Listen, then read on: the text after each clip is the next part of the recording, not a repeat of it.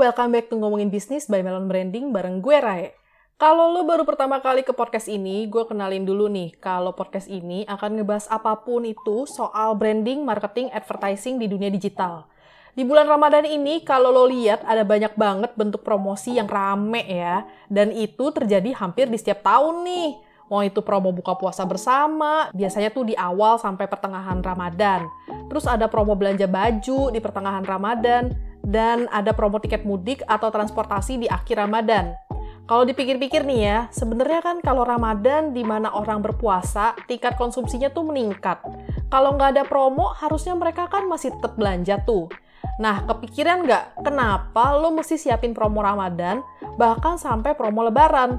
Nah, gue bedah dulu deh ya dari behavior orang Indonesia. Pertama, kita semua tahu kalau Indonesia itu mayoritas penduduknya Muslim. Jadi, sebagian besar pasti akan ngerayain hari besar agamanya. Dan itu adalah bulan Ramadan. Satu bulan penuh berpuasa dan ada banyak hal unusual yang terjadi. Jadi, momen itu dimanfaatin sebagai bentuk perayaan.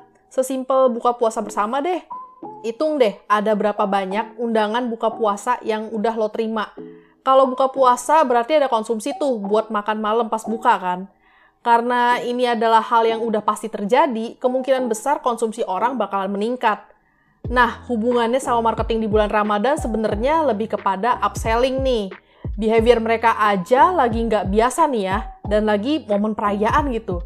Ya masa sih bisnis lo tuh kayak biasa-biasa aja, kayak nggak ikut perayaan bareng customer-customer lo. Ya lo mesti ikut sama hype-nya juga lah That's why marketing dan promotion itu penting banget nih di bulan Ramadan. Ditambah lagi konsumsi belanja orang itu tinggi. Orang bakal mikir nih mau belanjain duit ke mana. Nah, brand lo tuh mesti outstanding supaya mereka yang udah ancang-ancang buat belanja bisa pilih produk atau jasa lo buat mereka belanjain. Caranya supaya bikin outstanding, ya bikin promo gitu. Promo juga macam-macam nih. Ada yang promo diskonan, ada juga promo launch produk baru yang cuma dikeluarin di bulan Ramadan promo diskonan jelas kasih potongan harga lah ya. Kalau promo spesial produk, lo kayak kasih eksklusivitas lah dari produk lo itu. Let's say nih ya, cuma muncul pas Ramadan doang. Itu dalam segi promo ya. Kalau bisnis di dunia digital, kalian juga pasti manfaatin media sosial kan? Nah, media sosial ini nggak cuma nampilin promo-promo Ramadan aja, tapi lo juga bisa bikin konten-konten yang berhubungan dengan Ramadan entah itu yang sifatnya edukatif atau entertaining yang relate dengan kondisi orang-orang sekarang di bulan Ramadan. Kalau soal konten ini ya, itu bukan selalu ngomongin promosi ya. Sebenarnya masih berkaitan dengan konten, ada payung lebih besar lagi buat naungin konten dan segala materi promosi, namanya campaign. Di Ramadan campaign, semua aspek tuh bisa masuk, mau itu bentuknya diskonan, konten, ataupun juga activity. Gue mungkin belum jelasin juga nih soal activity sebagai bentuk marketing Ramadan.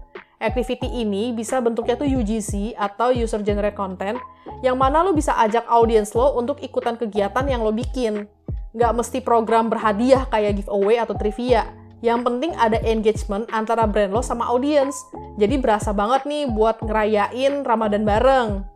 Marketing di bulan Ramadan ini sebenarnya secara core ya bisa mirip dengan campaign di akhir tahun, kayak Natal dan Tahun Baru gitu dengan vibes liburan. Konsumsi belanjanya udah pasti naik, kalau konsumsi naik, bukan berarti lo cuma diem doang nih buat nunggu pelanggan datang.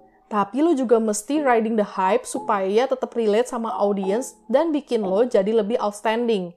Kalau kayak gitu kan, audience lo jadi bisa mutusin mau habisin duitnya di produk atau jasa yang mana. That's why marketing di peak season kayak gini tuh penting banget dipikirin. Apalagi secara jumlah hari termasuk panjang nih kampanye bisa berjalan. Kalau di Ramadan kan kayak satu bulan gitu. Marketing di bulan Ramadan ini juga bisa disesuaikan sama behavior audience lo ya. Kalau bisnis lo F&B biasanya udah diramein tuh dari sebelum Ramadan.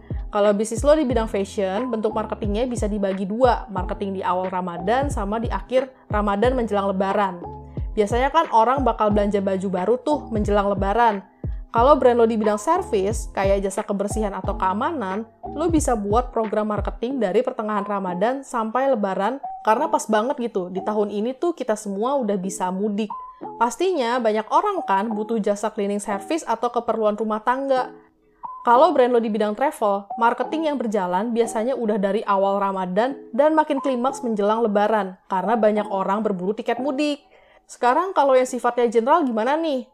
Nah, lo lihat dulu nih kebiasaan orang di bulan Ramadan tuh kayak gimana sih? Kalau yang gue lihat ya, mereka tuh biasanya lebih generous. Terus juga di bulan Ramadan tuh ada beberapa istilah yang sering dipakai kayak berkah, hikmah, nikmat, sedekah, dan kemenangan. Jadi ya lo bisa pakai tuh kata-kata itu um, untuk konten lo lah gitu. Lo juga bisa bikin dari keyword-keyword tadi tuh dalam sebuah activity. Misalnya bikin program berbagi rezeki, berbagi berkah dan pahala, atau saling cerita tentang suasana Ramadan. Nah, ini udah gue beberin semua ya. Kenapa sih marketing di bulan Ramadan penting dan gak boleh dilewatin? Kalau tahun ini udah punya marketing program untuk Ramadan, kalau berhasil bisa diimplementasiin juga nih di tahun depan.